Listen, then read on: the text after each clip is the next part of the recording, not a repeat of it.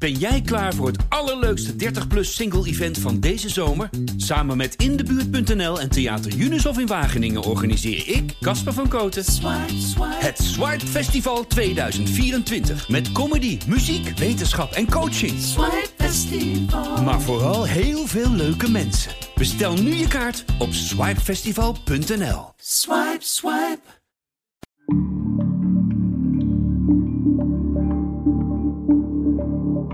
Dinsdag 8 februari, kwart over vijf in de middag.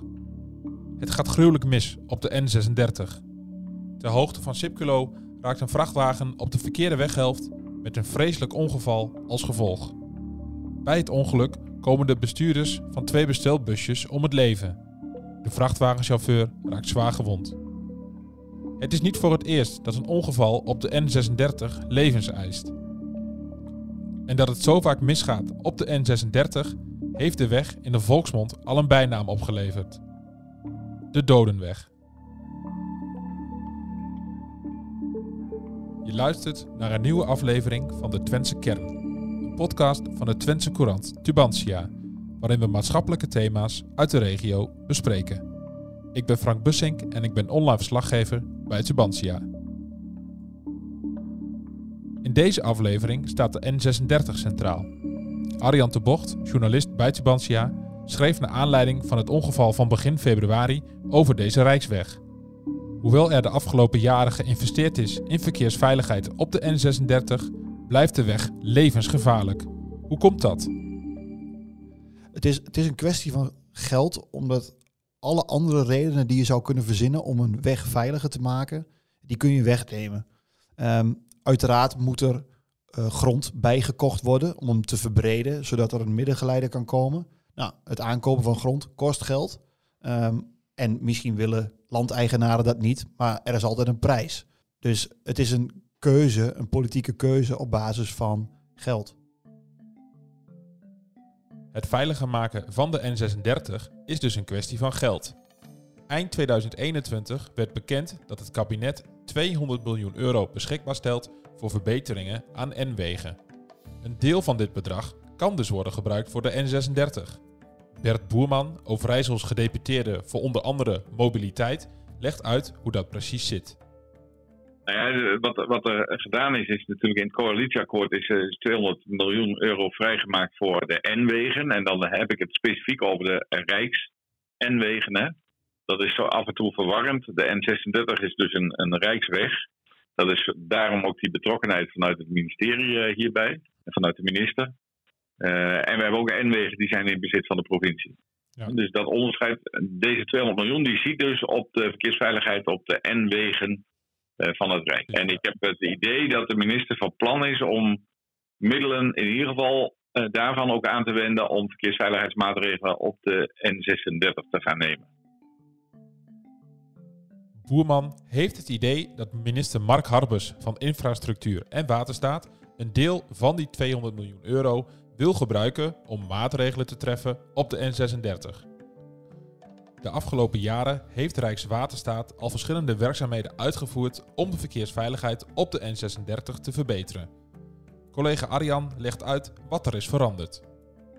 Wat ze gedaan hebben in 2018 is de weg verbreden op bepaalde delen met uh, 40 centimeter. Ze hebben uh, aan de zijkant hebben ze van die randen aange, uh, aangebracht, waardoor je kan uitwijken en dat je niet meteen met je, uh, met je wiel in de berm komt. Um, ze hebben op de weg zelf van die ribbelstroken aangebracht. Dus als je er overheen rijdt, dan hoor je dat je die, over die ribbelstrook rijdt, wat een soort waarschuwing is op het moment dat je minder alert bent. Dus ze, en ze hebben her en der borden geplaatst, campagne gevoerd, zijn ze nu mee bezig. Alle dingen die ze willen doen, die je zou kunnen doen om gedrag te veranderen. Want dat is natuurlijk wat je wil. Je wil dat mensen niet uh, gaan inhalen, niet harder gaan rijden dan mogelijk. Dat doe je op, door op gedrag te sturen. Maar als dat op een gegeven moment, uh, ja, dan, dan zul je daar aan een maximum zitten. Van dan denk je van, we hebben alles gedaan. Het gedrag van mensen is niet per se te sturen en bij te sturen. Er zullen altijd notoire overtreders blijven. Mm -hmm. ja, en dan zul je toch moeten gaan zoeken naar... Uh, denk ik, naar andere oplossingen. Dat is waar het pleidooi nu over gaat. Het gedrag van mensen op de weg veranderen is dus lastig. Dat ziet ook verkeerspsycholoog Kees Wildervank. De inrichting van de N36 is volgens hem vragen om problemen. Een M-weg met, met 100 uh, km per uur, één baans, twee strooks. Nou, dramatisch gezegd is dat vragen om ongevallen en om ernstige ongevallen. De N36 is zo'n eenbaansweg met twee rijstroken waar je 100 km per uur mag. Kan een goede campagne om de gevaren van de weg duidelijk te maken dan helpen? Nou, ik, ik, ik, ik heb een soort credo als, uh, als de weg het ongewenste gedrag oproept of mogelijk maakt, dan zijn handhaving en voorlichting, deze campagnes, dweilen met de kraan open. Mhm. Die weg die moet echt zo veilig mogelijk zijn. En wat er dan nog misgaat, ja, dat kun je, dan kun je kijken wat je met handhaving en eventueel met voorlichting nog kunt doen. Om de N36 veiliger te maken, zullen dus fysieke aanpassingen moeten worden gedaan. Maar wat zijn dan mogelijke verbeteringen aan die N36? Wat je veel hoort is dat de weg breder moet worden en dat je er dan een middengeleider zou kunnen aanbrengen. Uh, eigenlijk zie je dat de N18 dat heeft, de weg die van Enschede naar de Achterhoek loopt. Die is in uh, 2018 opengegaan, hebben ze een compleet nieuwe weg aangelegd die breed is, waar een middengeleider vanaf, even kijken, vanaf Enschede tot en met uh, Groenlo zo'n beetje staat. Ja, dat is een 100 weg, je kan er niet inhalen. En daarmee haal je alle uh, mogelijkheden weg ja, om, om gekke passeerbewegingen uit te voeren. En daar zie je ook veel minder ongelukken. Ook gedeputeerde Boerman hoopt dat er snel wordt begonnen met het veiliger maken van de N36. Minister Harbers heeft vorige week toegezegd aan de slag te gaan met deze Rijksweg. De provincie heeft de minister suggesties gedaan hoe de N36 veiliger kan worden. En we hebben hem uh, suggesties aan de hand gedaan dat we, dat we vinden dat er een fysieke rijbaanscheiding moet komen. En dat kan door de weg uh, breder te maken met een zone in het midden. Mhm. Dat kan door uh, een vangrail te maken. Er zijn diverse oplossingen, middengeleider te maken moet ik eigenlijk zeggen. Diverse oplossingen voor mogelijk. En dat is nu ook even aan de minister welke maatregelen hij wil treffen. Die in ieder geval tegengaan dat, dat auto's automatisch op een verkeerde weghelft terecht kunnen komen. Naast het plaatsen van een middengeleider klinkt ook het geluid om de maximumsnelheid op de N36 te verlagen naar 80 km per uur. Verkeerspsycholoog Wildervank heeft zijn twijfels over deze maatregel. Ja, er is inderdaad wel geroepen, ook weer over andere NW'en, van nou, breng die niet terug van 100 naar 80, dan uh, zijn, is de kans op een ongeval uh, minder. En uh, als er wel een ongeval gebeurt, dan is de afloop minder ernstig. Ja, dat is wel zo. Alleen de pest is dat je op een weg, en dan krijg je heel nadrukkelijk welk gedrag roept de weg op. Dat een, een, een weg die als 100 kilometer weg is ontworpen, dus die breedte heeft. En nou, vaak ook steeds meer uh, ongelijkvloerse kruisingen. Dus het is al een heel klein beetje een snelweggetje aan het lijken, behalve dan dat het één baans blijft. Ja, ik zou bijna zeggen, dan kun je van mensen niet verwachten dat ze zich aan die 80 houden. En bovendien heb je, als je die limiet van 100 naar 80 zou verlagen, ook nog de kans dat, eh, de, hoe zou ik het zeggen, de nette weggebruikers houden zich wel aan die 80. Maar er blijft een groep ja, die, die, die het vertikt om zich daaraan te houden. En mhm. ja, voor een gedeelte ook wel een beetje begrijpelijk. En wat je dan dus krijgt, is meer bumperkleven en vooral ook meer inhalen. En dat is nou juist het laatste wat je wilde. Het verlagen van de maximumsnelheid is dus niet wenselijk, zegt Wildervank. Is het plaatsen van een middengeleider dan de oplossing? Ja, een middengeleider, dat hangt er een beetje vanaf wat je eronder verstaat. Als het inderdaad uh, geleiderrails worden, uh, vangrails, zoals het uh, vaker genoemd wordt, ja, dan moet je ook tussen die vangrail en de rijstrook, dus en de witte streep, moet je ook nog weer een, een strook hebben zodat auto's die nou even een klein beetje uit koers zijn, niet meteen in die vangrail zitten. En dat betekent dus dat die hele weg breder moet worden. En dat is natuurlijk een ingrijpende, uh, kostbare oplossing. En dan kun je, kun je zeggen, nou als je dan toch bezig gaat, maak er maar twee weg van. Hè, dus met twee stroken elke kant op. Maar ja, voor je zoveel bent, dan zit je dus inderdaad met, met eh, de kosten, het ruimtebeslag. En natuurlijk met allerlei ecologische effecten. Hè, dat je net door een, door een mooi bos, dat je daar een stuk afhaalt of uh, een natuurgebied beïnvloedt met lawaai en uitlaatgassen. Hoewel het heel wat voeten in de aarde heeft, lijkt het aanpassen van de N36 de enige manier om de veiligheid echt te verbeteren. Collega Arjan sprak met een vrachtwagenchauffeur die veel over de N36 rijdt. En die ziet dat er soms rare capriolen worden uitgehaald. Ik sprak met vrachtwagenchauffeur Daan Weits uit Goor, die er eh, meer dan geregeld rijdt. En wat hij ziet is dat hij, nou ja, goed, 80, 85 rijdt, waar je 100 mag. En dan ziet hij dat de mensen inhalen, om, omdat ze denken dat het kan. Maar wat hij ook ziet ter hoogte van Sipculo is dat je daar kun je de weg oversteken. Alleen je kunt er dus, omdat je erover kan steken, kun je ook, en dat mag officieel niet, naar rechts of naar links de weg opdraaien. Um, maar dat gebeurt wel, ook omdat het kan.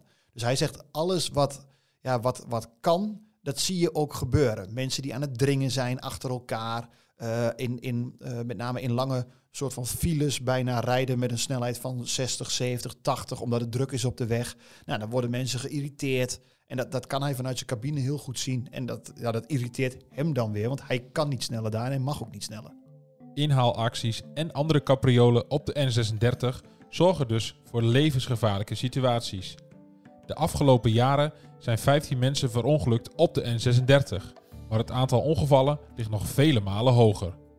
Hoewel er de afgelopen jaren al is gelobbyd voor een veilige N36, lijkt het nu allemaal een stuk sneller te gaan. En dat moet ook, ziet gedeputeerde Boerman. Het blijft natuurlijk heel treurig als s'avonds iemand niet meer thuis komt. Die wel naar eh, thuis verwacht wordt. omdat er uh, opnieuw een ongeluk heeft plaatsgevonden op die N36. Dat is wat we willen voorkomen. Daar is onze inzet op gericht en daar zal ook de minister nu mee aan de slag. Collega Arjan twijfelt of het signaal dat nu vanuit de provincie Overijssel klinkt wel sterk genoeg is. Er zijn immers meer gevaarlijke wegen in Nederland.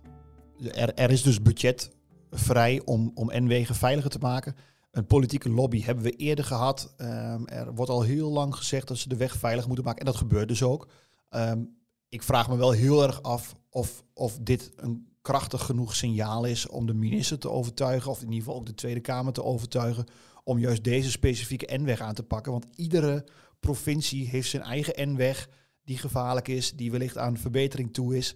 Uh, iedereen heeft zijn eigen N36 en iedereen zal voor zijn eigen N36 strijden om die veiliger te maken. Volgens Boerman onderstreept het aantal dodelijke ongevallen de urgentie om de N36 aan te pakken. Die urgentie is ook goed doorgedrongen tot het ministerie, denkt Boerman. ik denk dat we niet kunnen ontkennen als je ziet uh, welke uh, situatie er op de N36 is, met 360 geregistreerde ongevallen in de afgelopen jaren, waarbij 33 gewonden en 8 doden zijn gevallen dat dat de urgentie wel onderstreept dat er iets aan die weg gedaan moet worden. En dat is volgens mij goed doorgedrongen tot de minister. Dus ik acht het zeer wel waarschijnlijk dat er wel maatregelen gaan komen. Die verder gaan dan wat we tot nu toe doen. Hè. Tot nu toe uh, zijn het gedragsbeïnvloedingsmaatregelen. Verkeerspsycholoog Wildervank ziet dat de N36 niet de enige gevaarlijke rijksweg in Nederland is. Deze problemen vind je op meer uh, gelijksoortige wegen. Mm het, het, is een beetje ingebouwd, dit soort problemen, met dit soort wegen. En ja, dan kun je zeggen, dan moet je dit soort wegen in de toekomst niet meer willen. Maar dat is gemakkelijk gezegd. Wie kan meepraten over de gevaren van de N36 is Marloes uit Hengelo. Zij verloor twee naasten op de N36 bij twee verschillende ongevallen. Marloes die verloor in 2014 verloor zij haar moeder haar moeder zat bij iemand anders in de auto. Die auto die moest uitwijken omdat er een auto tegemoet kwam. Hun auto raakte in de berm. Uh, die bestuurder schrok daar heel erg van en ze botste frontaal. En die moeder was op slag dood. Um, maar Marloes verloor vorige week um, verloor zij ook haar goede vriend Henry. En um, Henry, ja, die, dat is dus eigenlijk het tweede slachtoffer uh, dat de N36 maakte voor haar. En zij pleit nu heel erg hard voor die middengeleider. Er is ook een petitie in het leven geroepen. Die heeft zij ook ondertekend. Er zijn inmiddels eh, meer dan 1200 handtekeningen ondergezet. Door een andere vrachtwagenchauffeur trouwens. En die hoopt ook heel erg dat er een middengeleider komt. Ook omdat hij vindt dat het, uh, dat het veiliger moet. Met de toezegging vanuit het ministerie om aan de slag te gaan met de N36 zit er de schot in de zaak. Het besef dat er nu echt iets moet gebeuren aan de verkeersveiligheid dringt meer en meer door ook in Den Haag. En dat is belangrijk, want de N36 heeft al veel te veel slachtoffers geëist.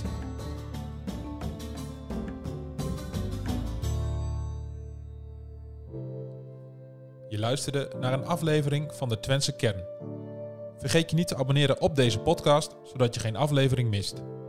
En heb je nou vragen of opmerkingen naar aanleiding van deze podcast? Stuur mij, Frank Bussink, dan een mail. Mijn e-mailadres staat in de beschrijving.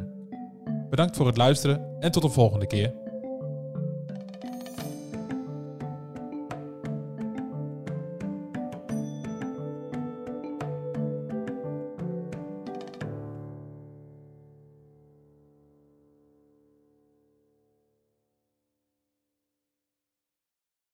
Ben jij klaar voor het allerleukste 30-plus single-event van deze zomer? Samen met Indebuurt.nl en Theater Unisof in Wageningen organiseer ik, Casper van Koten, het Swipe Festival 2024. Met comedy, muziek, wetenschap en coaching.